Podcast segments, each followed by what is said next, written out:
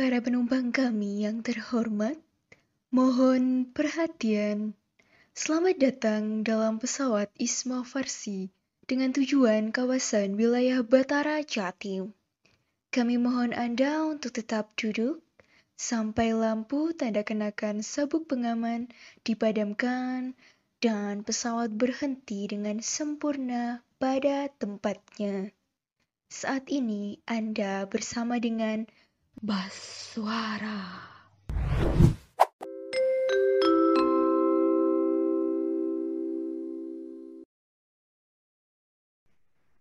Halo kawan Baswara, selamat datang di podcast Baswara. Batara Jatim bersuara. Bersama saya, Dewa Ayu sebagai tim staf ahli advokasi Batara Jatim periode 2020-2022, dan rekan saya, saya, Farmasita Nabila Cahyani, sebagai tim staf ahli advokasi Batara Jatim periode 2020-2022. Baik, di episode kali ini kita akan membahas khusus terkait limbah nih. Tapi bukan limbah rumah tangga atau limbah domestik ya. Nah, dalam kondisi pandemi ini, kita mau ajak kawan Baswara untuk membahas terkait limbah yang kabarnya memiliki jumlah yang jauh meningkat dari kondisi sebelum pandemi nih. Limbah ini adalah limbah medis. Nah, kawan Baswara udah tahu belum ya?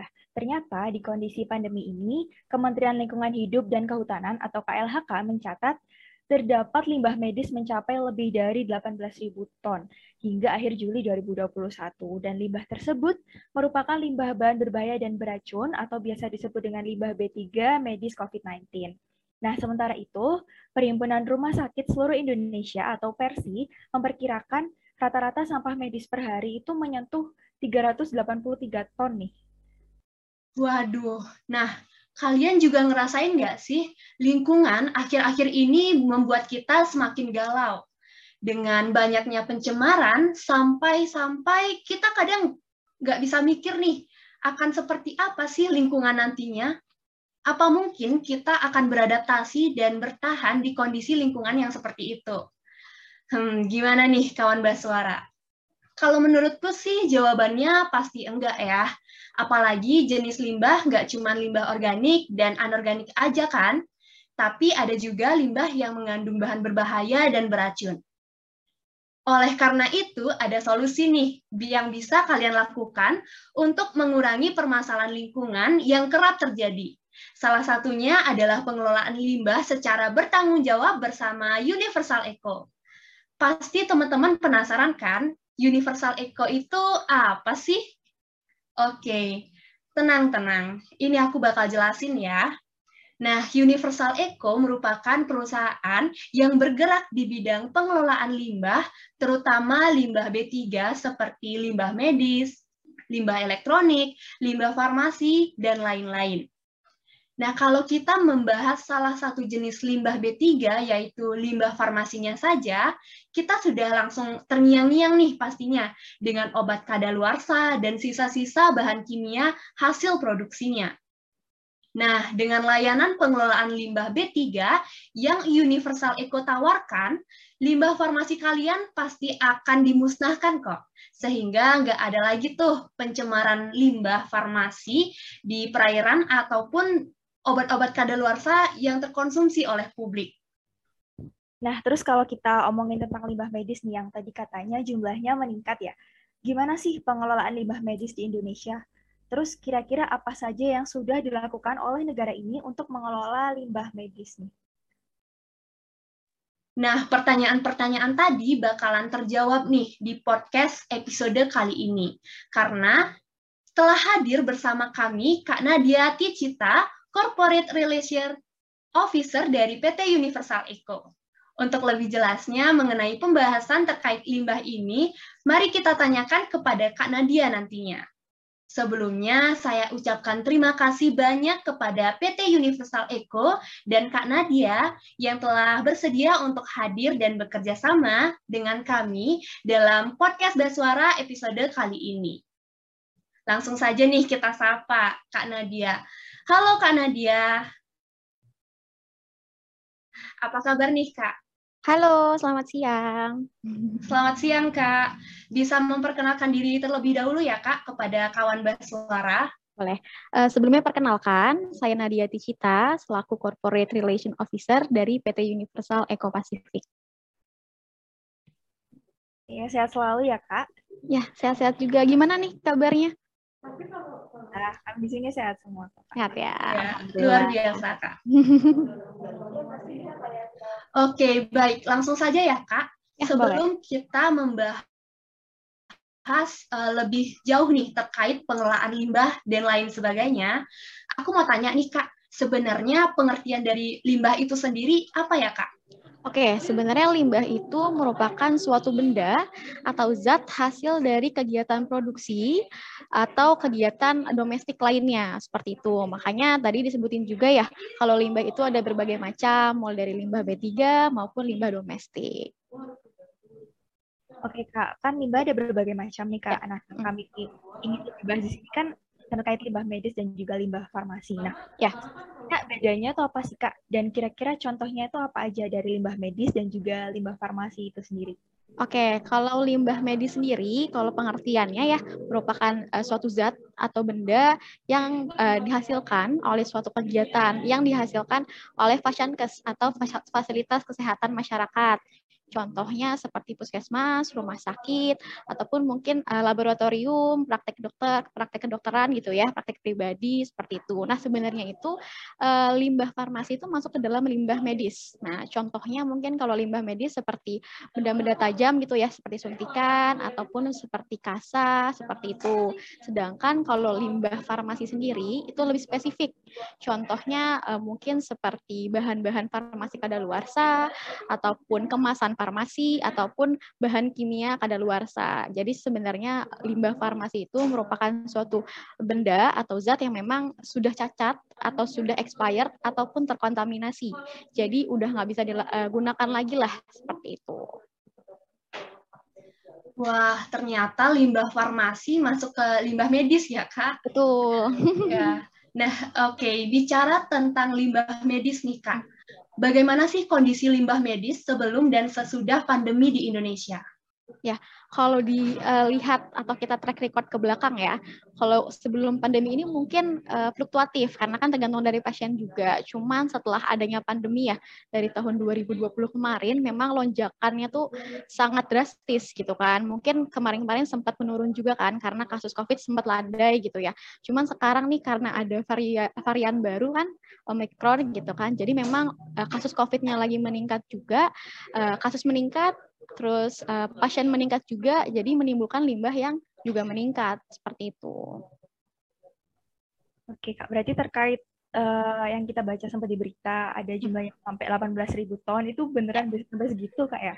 Iya benar, karena memang eh, bukti nyata ya dari Universal Eco sendiri, kita mungkin rumah sakit yang biasanya cuma hasilin 300 atau 200 kilo gitu ya per hari, itu pas pandemi kemarin sedang parah-parahnya kita bisa ngangkut sampai 1,1 ton per hari untuk untuk satu rumah sakit. Jadi memang bukti nyata sih karena memang COVID lagi uh, melonjak gitu kan, uh, pasien juga lagi banyak dan limbah pun akhirnya juga banyak gitu. Aduh, kok merinding ya kak dengernya ya, dari awalnya. Aku sampai yang awalnya makanya itu berapa kali lipat kan bisa lima kali lipat gitu itu bukti nyata kalau memang orang-orang yang mungkin belum aware gitu ya terhadap adanya covid tuh itu tuh bukti nyata gitu ada orang yang meninggal limbahnya numpuk limbahnya banyak tuh bukti nyata gitu jadi kita yang berkecimpung di uh, dunia limbah ini kan terutama terutama limbah medis gitu jadi benar-benar oh iya ya ini bener loh ini ada loh gitu emang COVID ini nyata dilihat dari limbah ya kayak. Ya? Iya bener banget. Kalau dengan limbah yang sangat banyak ya, kira-kira tuh upaya apa aja sih yang sudah di, sudah dilakukan oleh negara Indonesia untuk menangani limbah medis ini, Kak?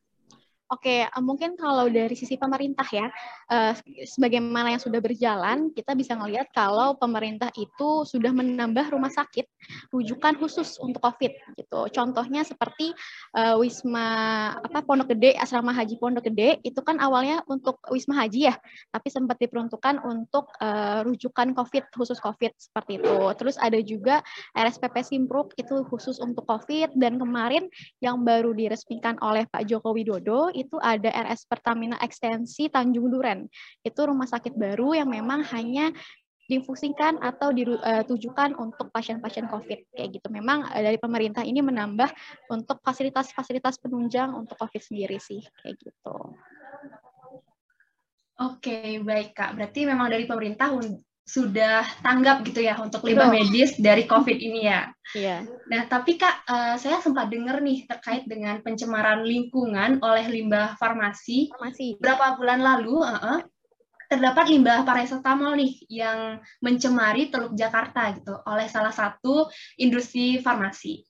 Nah, bagaimana sih Kak eh, pendapat Kakak terkait permasalahan tersebut gitu Kak? Ya, oke. Okay. Mungkin menanggapi ya, menanggapi peristiwa kemarin setelah kita lihat gitu kan eh, beritanya terkuak bahwa memang uh, itu merupakan uh, akibat dari salah satu industri farmasi gitu kan. Ternyata pas kita kulik, kita ter, uh, kita ungkap bahwa memang limbah yang dibuang ke uh, daerah lautan Jakarta gitu ya, paracetamol ini memiliki kadar COD dan BOD di atas standar baku mutu seperti itu. Nah, contoh dia itu kalau untuk yang di Muara Angke itu ada uh, kurang lebih kadarnya di 610 nanogram per liternya Ya, sedangkan kalau untuk yang di Ancol sendiri itu kadarnya di, di 420 nanogram per liter. Seperti itu. Nah, setelah diungkap ternyata hal ini ditemukan karena memang instalasi pengolahan limbah terpadunya tidak berjalan dengan baik sehingga limbah yang harusnya dikeluarkan di bawah standar baku mutu karena alat atau instalasinya tidak ada maintenance mungkin ya tidak dicek secara berkala jadi memang berfungsi secara tidak terlalu baik. Jadi hasil yang dikeluarkan juga masih di standar di atas standar baku mutu. Jadi memang kalau untuk instansi-instansi atau perusahaan yang memang mengeluarkan limbah atau menghasilkan limbah itu diperlukan sekali sih untuk maintenance gitu kan untuk uh, dicek alat-alatnya secara berkala supaya memastikan bahwa memang yang kita keluarkan sebagai bentuk limbah itu di bawah standar baku mutu gitu. Karena kan memang lingkungan itu kan punya semua orang ya gitu. Walaupun itu kawasan industri pun kita ada keretapannya sendiri. Jadi eh, seharusnya perusahaannya lebih aware dan lebih dicek lagi terkait maintenance dari uh, instalasinya untuk pengolahan kayak gitu. Oh gitu ya kak. Jadi kan kalau misal tadi yang di industri kayak uh, emang harus ada standarnya kan pasti kak. Ya. Kalau dari nah kalau semisal kak, uh, kan tadi juga katanya dibangun fasilitas rumah sakit khusus COVID ya kak. Mm-hmm.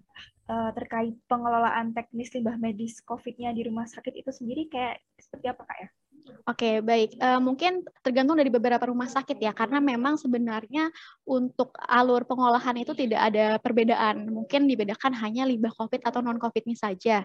Namun kalau untuk pengolahannya, uh, memang hanya uh, melalui proses pemusnahan untuk dibakar menggunakan insenerator seperti itu. Jadi sebenarnya limbah medis infeksius COVID atau non-COVID untuk alurnya tetap sama, kita musnahkan menggunakan mesin insenerator. Namun terdapat beberapa rumah sakit mereka meminta terkait, Mbak kita minta uh, untuk uh, penulisan atau dokumen atau surat jalannya dipisahkan terkait limbah COVID maupun non-COVID karena memang kalau uh, COVID sendiri untuk pajaknya ditanggung oleh pemerintah seperti itu. Jadi ada perhitungan perbedaannya. Cuman kalau untuk pengolahannya sendiri, untuk limbah medis infeksius COVID maupun non-COVID itu tetap sama. Kita olah hanya menggunakan mesin insinerator seperti itu.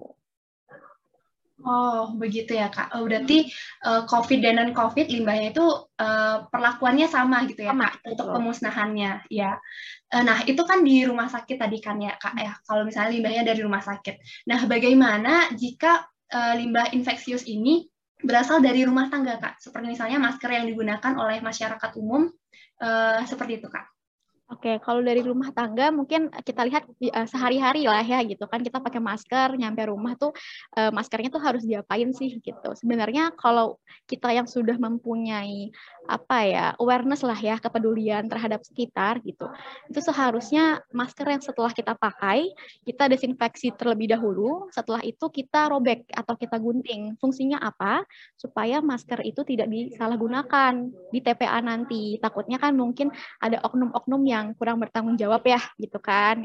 Yang mencari uh, sisi ekonomis lah dari limbah gitu takutnya dicuci lagi diperjualbelikan. Jadi memang uh, amannya setelah kita pulang kita desinfeksi gitu kan. Kita semprotkan desinfektan lalu kita gunting ataupun kita robek. Setelah itu kita masukkan ke dalam wadah atau plastik dan diikat rapat-rapat. Jadi supaya walaupun nanti uh, digabungkan dengan limbah lainnya itu untuk virus atau sifat infeksiusnya itu tidak uh, ke mana-mana kayak gitu. Ya kak, berarti kalau untuk skala uh, rumah tangga, nggak harus ya kayak ya, tiap rumah tangga itu nggak harus punya insinerator gitu ya? Enggak dong, soalnya modalnya gede nih kalau mesin insinerator. Ya, soalnya mungkin ada beberapa rumah yang udah pingin gitu punya insinerator mungkin. boleh sih kalau ada modalnya boleh kalau punya gitu. uh, mau tanya nih kak, hmm? kalau terkait pengelolaan limbah medis ini, terkait pengelolaan limbah medis di PT Universal Eco tuh seperti apa sih kak? Baik, biasanya itu kita melihat dari kode limbah atau jenis limbah yang dihasilkan ya. Karena contohnya kalau limbah rumah sakit itu paling umum kan limbah medis padat gitu ya. Itu biasanya dikemas menggunakan kantong plastik kuning yang memiliki arti bahwa limbah eh, medis tersebut bersifat infeksius atau menular. Nah, untuk limbah eh, benda tajam seperti jarum suntik gitu, biasanya kita kemas menggunakan safety box. Safety box itu eh, dalam bentuk kardus. Jadi orang-orang kalau kalau yang sudah berkecimpung di dunia limbah tahu, oh itu benda tajam, jadi kita harus hati-hati gitu. Sedangkan kalau untuk limbah cairnya sendiri biasanya dikemas menggunakan jerigen. Nah, nanti setelah kita angkut dari beberapa rumah sakit atau titik penghasil itu, kita bawa ke plan kami yang berada di kawasan Cikande, Serang Banten, nanti langsung uh, masuk ke area loading in dan loading out.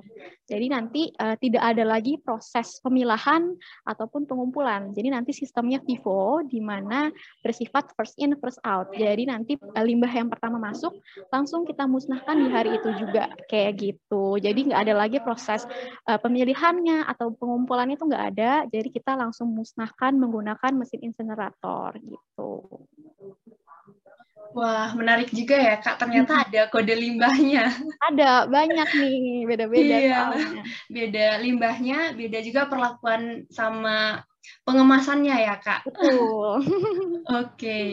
Nah uh, tadi kan kita selalu berbicara nih tentang pemusnahan pemusnahan uh, limbah medis seperti itu. Nah lalu apakah limbah medis ini juga sebenarnya bisa didaur ulang kak atau hanya bisa dimusnahkan saja? Oke, okay. uh, mungkin balik lagi ya karena memang limbah medis ini kan bersifat infeksius. Jadi memang kalau uh, dalam SOP-nya itu tidak ada lagi proses seperti pemilahan ataupun uh, pengumpulan di pihak peng, uh, di pihak pengelola seperti itu. Jadi nanti limbah yang pertama masuk langsung kita proses untuk musnahkan menggunakan insinerator. Jadi memang kita uh, menggunakan cara pembakaran jadi supaya limbahnya itu habis gitu ya, cuma sisa abu dan sifat-sifat infeksiusnya itu juga mati karena kan memang kita pembakaran itu dari 800 derajat Celcius sampai 1200 derajat Celcius. Jadi uh, limbahnya volumenya nol gitu kan habis gitu dan sifat infeksiusnya itu mati kayak gitu. Oke kak, menarik nih. Uh, tapi sebenarnya aku tadi mau tanya sih kak, kalau Boleh. dengan kan tadi katanya kalau nggak salah jarum suntik itu dimasukin ya. kardus kayak safety box. Iya safety box. Nah uh, itu berarti yang disedia yang menyediakan dari PT Universal Eco-nya ya? Ya, kalau misalnya untuk uh, fasilitas terkait kemasan, kita juga menyediakan untuk klien. Cuman pada umumnya kalau untuk uh, tanggung jawab dari pengemasan limbah tersebut itu merupakan tanggung jawab dari penghasil seperti itu. Jadi memang Universal Eco sendiri kita bertanggung jawab dari pengangkutan, pemusnahan kayak gitu sampai limbah itu sudah dimusnahkan secara bertanggung jawab sesuai dengan regulasi yang berlaku. Jadi memang kalau untuk pengemasan sebenarnya tanggung jawab dari masing-masing penghasil ya, instansi penghasil sih. Tuh. Uh, karena aku tadi jadi sempat dapat pandangan baru aja sih kak. Hmm. Kalau kita misalnya di rumah aja kayak misal hmm. kayak sepet gitu, uh, jarum suntik gitu, yeah. ternyata cara buangnya pakai uh, mungkin masukin kardus gitu kak ya? Iya. Sebenarnya kalau untuk kemasannya sih sudah dijual di e-commerce ya, banyak sih mau dicari di platform mana pun ada. Jadi memang kenapa di safety box karena takutnya kalau misalnya dikemas tidak sesuai SOP nanti ada kejadian misalnya petugasnya tertusuk gitu kan. Sedangkan kan kita nggak tahu nih jarum suntiknya habis suntik apa, entah itu misalnya uh, habis kena orang yang HIV kah atau AIDS kan kita nggak tahu. Jadi memang untuk preventif sebagai langkah preventif uh, lebih baik kalau benda-benda tajam itu dikemas menggunakan safety box seperti itu. Dan selama pengangkutan pun dari kami tugas menggunakan APD lengkap sih. Jadi memang uh, dijamin aman lah terkait uh, sarung tangan ataupun apron atau semacam celemek untuk pengangkutan medis gitu ya. Terus safety boots, safety glasses kayak gitu. Semisal ada limbah medis yang tidak terkelola dengan baik begitu Kak di masyarakat, bagaimana sih Kak potensi limbah medis ini bisa menularkan penyakit gitu Kak? Ya, sebenarnya limbah medis ini kan memang umumnya tuh bersifat infeksius ya. Makanya kalau uh, ada oknum yang tidak bertanggung jawab atau mungkin kurang awareness-nya terkait pengolahan atau proses pemilahannya itu sangat disayangkan. Kenapa? Mungkin efeknya tuh belum dirasakan saat-saat ini gitu ya. Cuman kan efek ke lingkungannya ataupun orang-orang yang bisa uh, terkena penyakit dari limbah itu kan kita nggak tahu siapa aja gitu kan. Dan mungkin prosesnya pun nggak langsung. Ada tahap-tahap inkubasinya gitu kan. Mungkin seminggu baru ada gejala. Jadi memang hal-hal ini tuh yang perlu atau menjadi PR untuk kita semua sih supaya meningkatkan awareness dari masyarakat bahwa limbah itu bukan hal yang sepele gitu karena mungkin sekarang kita ngerasa sehat-sehat aja nih. Cuman ternyata kita nggak tahu ternyata ada virus atau bakteri yang udah masuk gitu kan. Itu emang hal-hal yang perlu untuk apa ya dipelajari dan digali lagi sih gitu. Iya sih kak, jadi awareness dari masyarakat masih kurang gitu ya kak akan limbah ini.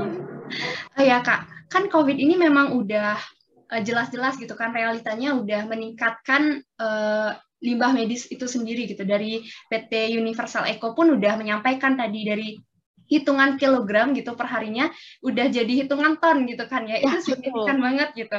Nah hmm. tapi kan walaupun ini memang pasti meningkatkan tapi pasti bisa diminimalisir dong kak ya pastinya. Ya. Nah hal apa sih kak yang bisa kita lakukan untuk meminimalisir limbah medis ini gitu kan? Mungkin uh, selain minimalisir untuk apa ya pencegahan juga kali ya karena kan kalau minimalisir kita sekarang keluar rumah tuh harus pakai masker gitu kan harus yang amannya tiga atau sampai lima lapis gitu ya sekarang gitu. Sebenarnya mungkin kalau untuk minimalisir kita bisa double pakai masker kain juga cuman kalau misalnya untuk antisipasi atau proses uh, pengolahannya sendiri mungkin dari masyarakat bisa lebih aware terkait untuk pemilahannya seperti itu. Jangan sampai kegiatan-kegiatan kecil yang kita menganggap itu tidak berimpact besar itu bisa mencelakakan orang lain. Karena kenapa? Limbah COVID itu bukan hanya limbah medisnya ya. Contoh misalnya jarum suntik atau misalnya kain kasat, tapi saat ini walaupun contoh kardus makanan pasien di Wisma Atlet, mungkin kita tahunya itu limbah domestik ya. Cuman karena jika mereka sudah terpapar atau dimakan oleh pasien COVID itu terhitung terhitung menjadi limbah COVID seperti itu. Jadi memang kalau uh, saat ini limbah-limbah domestik yang sudah uh, bercengkrama langsung atau uh, berkaitan langsung dengan pasien COVID, kita hitung atau kita lihat menjadi limbah COVID sendiri. Jadi bukan hanya limbah dari contoh kita ngemikir cuma ah paling cuma jarum suntik, cuma kain kasa, cuma misalnya kapas, piut dan segala macam enggak. Jadi memang limbah domestik lainnya kayak misalnya plastik, terus kardus makanan, sendok garpu yang digunakan oleh pasien-pasien COVID itu juga masuk ke dalam limbah COVID yang infeksius kayak gitu. uh, apa mungkin barang-barang yang memang digunakan pasien di uh, Wisma Atlet ya itu juga uh, diolah juga Kak di PT Universal Eco? Kita memang untuk saat ini bekerja sama dengan beberapa rumah sakit untuk rujukan limbah COVID sendiri. Seperti itu. Memang kelihatan banget sih uh, apa lonjakannya ya, lonjakan kuantitinya yang biasanya cuma 100 kilo, cuma 200 kilo. Sekarang sehari 500 kilo, bahkan 800 kilo kayak gitu. Terus mungkin aku mau tanya lebih ke daerah lain, mungkin di daerah pedesaan gitu kayak kan. Um, setahu saya mungkin di situ fasilitas pembuangan sampahnya itu masih kurang, terus juga mungkin ada petugas yang pengambilan sampah gitu jadi mereka mungkin membuang sampah masih banyak yang membuang sampah sembarangan mungkin di pekarangan uh, pengarangan rumah masing-masing mungkin uh, juga termasuk limbah-limbah kayak masker gitu ya. Hmm. Terus apakah uh, pembuangan limbah kita menggunakan uh, masker Nah, sebenarnya kalau untuk limbah-limbah dari uh, rumah tangga gitu ya, sebenarnya mungkin salah satu hal yang bisa kita lakukan kalau memang tidak ada instansi ataupun tempat-tempat terdekat untuk pengolahan limbah, kita bisa melakukan pemilahan sendiri atau pemilahan mandiri seperti tadi. Mungkin kalau misalnya kita punya apa kit antigen atau swab antigen kita bisa beli untuk safety box-nya sendiri kayak gitu ya atau plastik kuningnya sendiri. Nah, jikalau memang tidak ada kemasan tersebut, kita bisa memilah lagi seperti yang dijelaskan tadi gitu ya. Masker kita desinfeksi lalu kita robek atau kita caca atau kita gunting, nanti kita masukkan ke dalam satu plastik, kita ikat.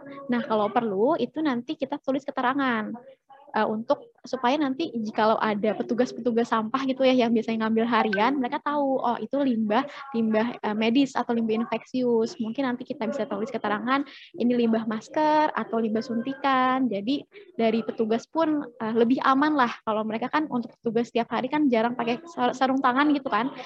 Jadi nanti mereka juga tahu treatmentnya seperti apa atau mereka harus berhati-hati kayak gitu. Oke, ternyata um, limbah atau hasil yang di atau barang-barang yang dihasilkan dari teman-teman pasien COVID kita pun di sana di Wisma Atlet gitu, itu udah termasuk limbah medis ya kak, karena sifatnya oh, infeksius. Jadi ya mungkin dari teman-teman kawan-kawan Baswara nih yang awalnya mikir limbah medis itu cuman oh jarum suntik, oh masker doang, ternyata kotak makanan bekas uh, pasien COVID pun udah jadi limbah medis nih hitungannya oh. gitu kan. Betul, karena kan sudah terkontaminasi dari air liur juga gitu kan, sudah kontak langsung dan kita nggak tahu virusnya tuh uh, sampai mana gitu. Iya, betul sekali sih Kak. Uh, nah, tapi kan Kak ya, uh, masyarakat atau teman-teman bahkan kawan-kawan suara pun bisa jadi baru tahu nih ternyata um, kotak makanan bekas dari pasien COVID pun udah limbah medis nih. Menurut Kak, Nadia sendiri gitu, seberapa persen sih pengertian masyarakat atau pemahaman masyarakat terhadap limbah medis ini sendiri gitu kak? Oke, kalau menurut aku sih untuk pemahaman ya, mungkin di kisaran cuma 50 sampai 60 persen. Kenapa? Karena memang e, menurut saya untuk sosialisasi atau penyuluhan terkait pentingnya limbah medis sendiri itu juga masih kurang gitu ya. Karena kita masih sering lihat orang walaupun lim, e, kasus COVID di mana-mana masih nggak pakai masker ataupun kalau pakai uh, bisa jadi ngebuangnya sembarangan disamakan dengan limbah-limbah domestik lainnya. Jadi kan itu menunjukkan bahwa awareness mereka terhadap COVID atau limbah infeksi sendiri itu masih kurang. Karena mereka mikir ah cuman kayak gini berdampak apa sih? Gitu kan. Tapi kita nggak tahu ke depannya mungkin ada orang yang mungut atau ada orang yang menyalahgunakan atau ada orang yang terpapar dari virus di masker itu kita nggak ada yang pernah tahu gitu gitu. Jadi memang kalau menurut aku untuk uh, awareness dari pentingnya limbah medis atau infeksius sendiri masih kurang sih di masyarakat. Iya kak. Kemudian kak, kalau misalnya nih, um, ini pengalaman pribadi sih sebenarnya ya. ya kak. Jadi pernah nih ada satu kejadian gitu. Ini melihat sampah masker di jalan gitu. Nah itu kan harusnya seperti yang tadi Kak Nadia bilang kan harusnya di disinfektan disinfektan dulu, kemudian dirobek, digunting, kemudian dimasukkan plastik gitu kan ya. Tapi ada dari mereka yang nggak melakukan hal itu gitu kan, karena nggak aware juga, karena nggak tahu juga seperti itu. Dan apa sih harusnya tindakan seharusnya tindakan kita kalau misalnya ada di posisi itu Kak, gimana? Oke, mungkin kalau dari aku ya, aku mungkin bisa langsung uh, info atau langsung ngasih tahu ke orang-orang terdekat, contoh keluarga dulu gitu ya.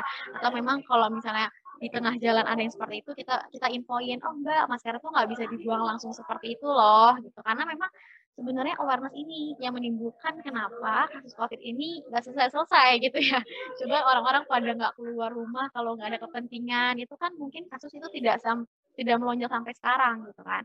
Nah sebenarnya kalau untuk ada hal seperti itu mungkin eh, untuk hal-hal terkecil atau hal termudah kita bisa sosialisasi ke orang-orang terdekat, mungkin teman, keluarga, atau mungkin kalau ada info-info terkait limbah medis atau kasus COVID bisa kita share gitu ya via WA atau misalnya DM Instagram. Jadi memang orang-orang tuh masih aware bahwa COVID itu tuh masih nyata gitu. Limbah medis itu juga masih wah melonjaknya tuh jauh banget. Jadi itu tuh hal-hal yang perlu diantisipasi sih gitu.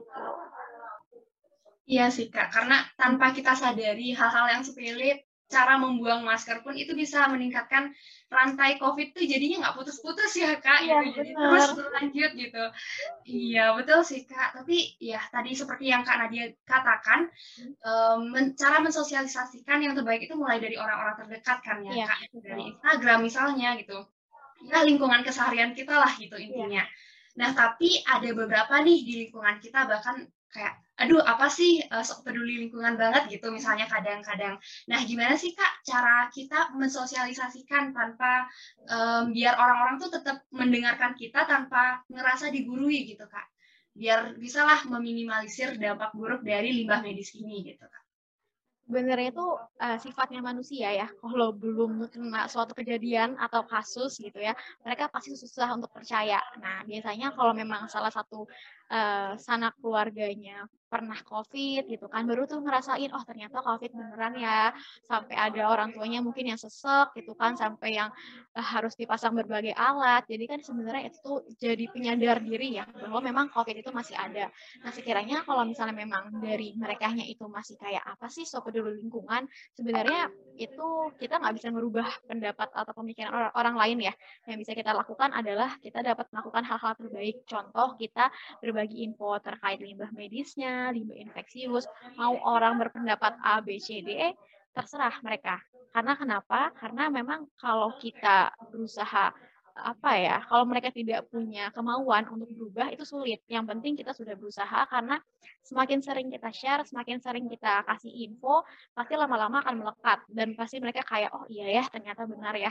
Mereka baca berita, oh iya ya ternyata meningkat ya. Oh iya ya ternyata limbah Covid itu sampai 18.000 ton ya kayak gitu. Jadi memang kalau untuk kesadaran diri sendiri dari orang yang masing-masing, cuman kita bisa melakukan hal-hal terbaik atau terdekat seperti sosialisasi, share-share info, kayak gitu. Oke, Kak. Uh, kalau bahas terkait awareness dan cara-cara sosialisasi ini mungkin satu pekerjaan yang sangat harus segera dilakukan dan kayak PR-nya masih banyak banget ya karena Betul. Juga, ya saya tuh baru tahu hari ini terkait mengelola masker karena kan mm-hmm. kemarin aja buang masker ya emang sih kalau aku masih tak gunting sih kak masih yeah. gunting cuman belum aku disinfeksi biasanya oh, oke okay. terus tadi juga udah belum tempat sampah cuman yang tadi aku bikin mikir wah uh, kebetulan kucingku tuh langsung tiba-tiba ngambil kak maskernya terus dibuat main nah hmm. gimana nih kucingku kena covid gitu kan yeah, yeah. ya oh baru tahu untung nih kita bahas di podcast Baswara ya caranya. Nah, ini salah satu bentuk untuk sosialisasi ya secara menyeluruh gitu. Jadi masyarakat atau teman-teman yang mendengar podcast Baswara ini mungkin jadi tahu juga nih info-info terkini ataupun bagaimana sih cara menangani atau mengolah uh, limbah medis sendiri gitu untuk limbah medis rumah tangganya. Oke, Kak. Nah, tapi ini Kak, uh, karena limbah medis ini harus jadi perhatian khusus ya Kak, karena ya. udah bahas panjang banget. Nah, kira-kira 4 sampai 5 tahun lagi tuh apa sih yang bisa terjadi kalau sampai limbah medis ini terus bertambah, bertambah dan menumpuk gitu? Nah, kalau misalnya 4 sampai 5 tahun ke depan ya, jika memang kuantiti dari limbah COVID ini terus bertambah, sebenarnya hal-hal yang harus dilakukan, hal ini tuh harus teri, harus diimbangi dengan perkembangan atau penambahan terkait jasa pengolahan limbah. Karena memang sampai saat ini untuk jasa pengolahan limbah sendiri di Indonesia ya masih masih minim, masih sedikit sekali. Atau eh, jika memang tidak ada penambahan terkait jasa pengolahan limbah itu mungkin eh, vendor-vendor atau jasa pengolahannya sudah berdiri, bisa ditambah lagi nih kapasitasnya, mungkin penambahan mesin, uh, penambahan ekstensi lahannya supaya limbah yang dapat diolah terus bertambah kuantitinya kayak gitu. Karena memang semakin banyak pasien semakin banyak rumah sakit rujukan COVID, pasti makin banyak juga sih limbahnya. Gitu. Jadi memang harus diimbangi dengan perkembangan terkait jasa pengolahan limbah ataupun fasilitas-fasilitas pengolahan limbah lainnya seperti mesin insinerator atau mungkin berbagai rumah sakit atau beberapa rumah sakit bisa dilengkapi atau mempunyai insinerator sendiri. Nah, untuk uh, mesin pembuangan limbahnya berarti berarti uh, contohnya apa aja kayak selain insinerator? Apa cuma insinerator gitu? Biasanya kalau untuk limbah medis hanya dibakar sih, hanya dimusnahkan menggunakan insinerator. Karena kita uh, memang tidak boleh dan tidak ada proses lainnya seperti proses pemilahan ataupun pengumpulan karena kan memang limbah medis itu kan infeksius ya dan kalau sesuai regulasi limbah medis itu hanya boleh disimpan dua kali 24 jam jadi setelah itu mungkin akan ada bau-bau yang tidak sedap gitu kan. Mungkin virusnya juga tambah banyak, jadi tambah bahaya, jadi tambah bahaya gitu. Jadi makanya menurut SOP atau regulasi dari pemerintah, memang kalau untuk limbah COVID atau limbah medis sendiri, penyimpanan di dua kali 24 jam atau dua hari aja. Gitu. Termasuk masker juga gitu kak? Kalau Ya, betul. Karena kan sebenarnya kalau eh, masker kan medis juga ya, medis dan infeksius juga. Memang kalau untuk eh, sesuai dengan peruntukan regulasi atau peraturan yang berlaku, itu hanya bisa di dua kali 24 jam, seperti itu. Nah, kalau misalnya praktik-praktik dokter yang mungkin timbulan limbahnya sedikit, kalau mereka punya semacam chiller atau cold storage, atau kita bisa sebut seperti apa ya, freezer ya, freezer untuk frozen food gitu. Nah, itu sebenarnya bisa menambah waktu penyimpanan dengan suhu-suhu tertentu, misalnya 0 sampai minus 3 derajat Celcius. Jikalau memang limbah-limbah medis itu disimpan di dalam cold storage atau chiller, masa penyimpanan itu bisa sampai 3 kali 30 hari atau 9, uh, 3 kali 30 hari atau 3 bulan. Namun ada ketentuan-ketentuan terkait derajat yang harus dipasang di chiller atau cold storage itu gitu. Cuman kalau untuk penyimpanan dengan suhu ruang maksimal hanya di 2 kali 24 jam. Wah, keren sekali ya Kak. Menarik sekali sih pembahasan kita hari ini gitu tentang limbah dan nggak terasa ternyata kita udah lumayan juga ya untuk berbincang terkait limbah medis ini Kak. Dan sebelum menutup podcast ini, izinkan aku menarik kesimpulan nih Kak untuk kawan Baswara. Nah, kawan Baswara ternyata memang benar nih pandemi membuat limbah medis meningkat secara signifikan. Kondisi lingkungan menjadi taruhannya dan terancam akan memburuk jika kita tidak menanggulanginya sejak dini. Nah, itulah tugas kita kawan Baswara sebagai mahasiswa dan sebagai generasi muda karena ini masalahnya sebenarnya kembali lagi pada uh, pemahaman masyarakat terkait pengelolaan limbah, terkait uh, lingkungan dan itu sebenarnya kan tidak bisa kita kendalikan ya kembali pada kesadaran individu itu masing-masing begitu dan uh, yang paling mudah ya dimulai dari diri kita sendiri dimulai dari orang terdekat dan yuk sama-sama lebih aware lebih care about environment um, dan bersama Universal Eco mari kita kelola limbah dengan ramah lingkungan Nah, untuk kawan bersuara, jangan lupa untuk follow Instagram at ismafarsi underscore Batara Jatim dan nyalakan notifikasinya untuk mendapatkan informasi terbaru dari kami. Sekian dari kami, sampai jumpa di episode selanjutnya. Terima kasih sudah mengudara bersama kami, kawan bersuara. Terima kasih telah mengudara bersama kami. Sampai jumpa di lain kesempatan dengan Baswara selanjutnya.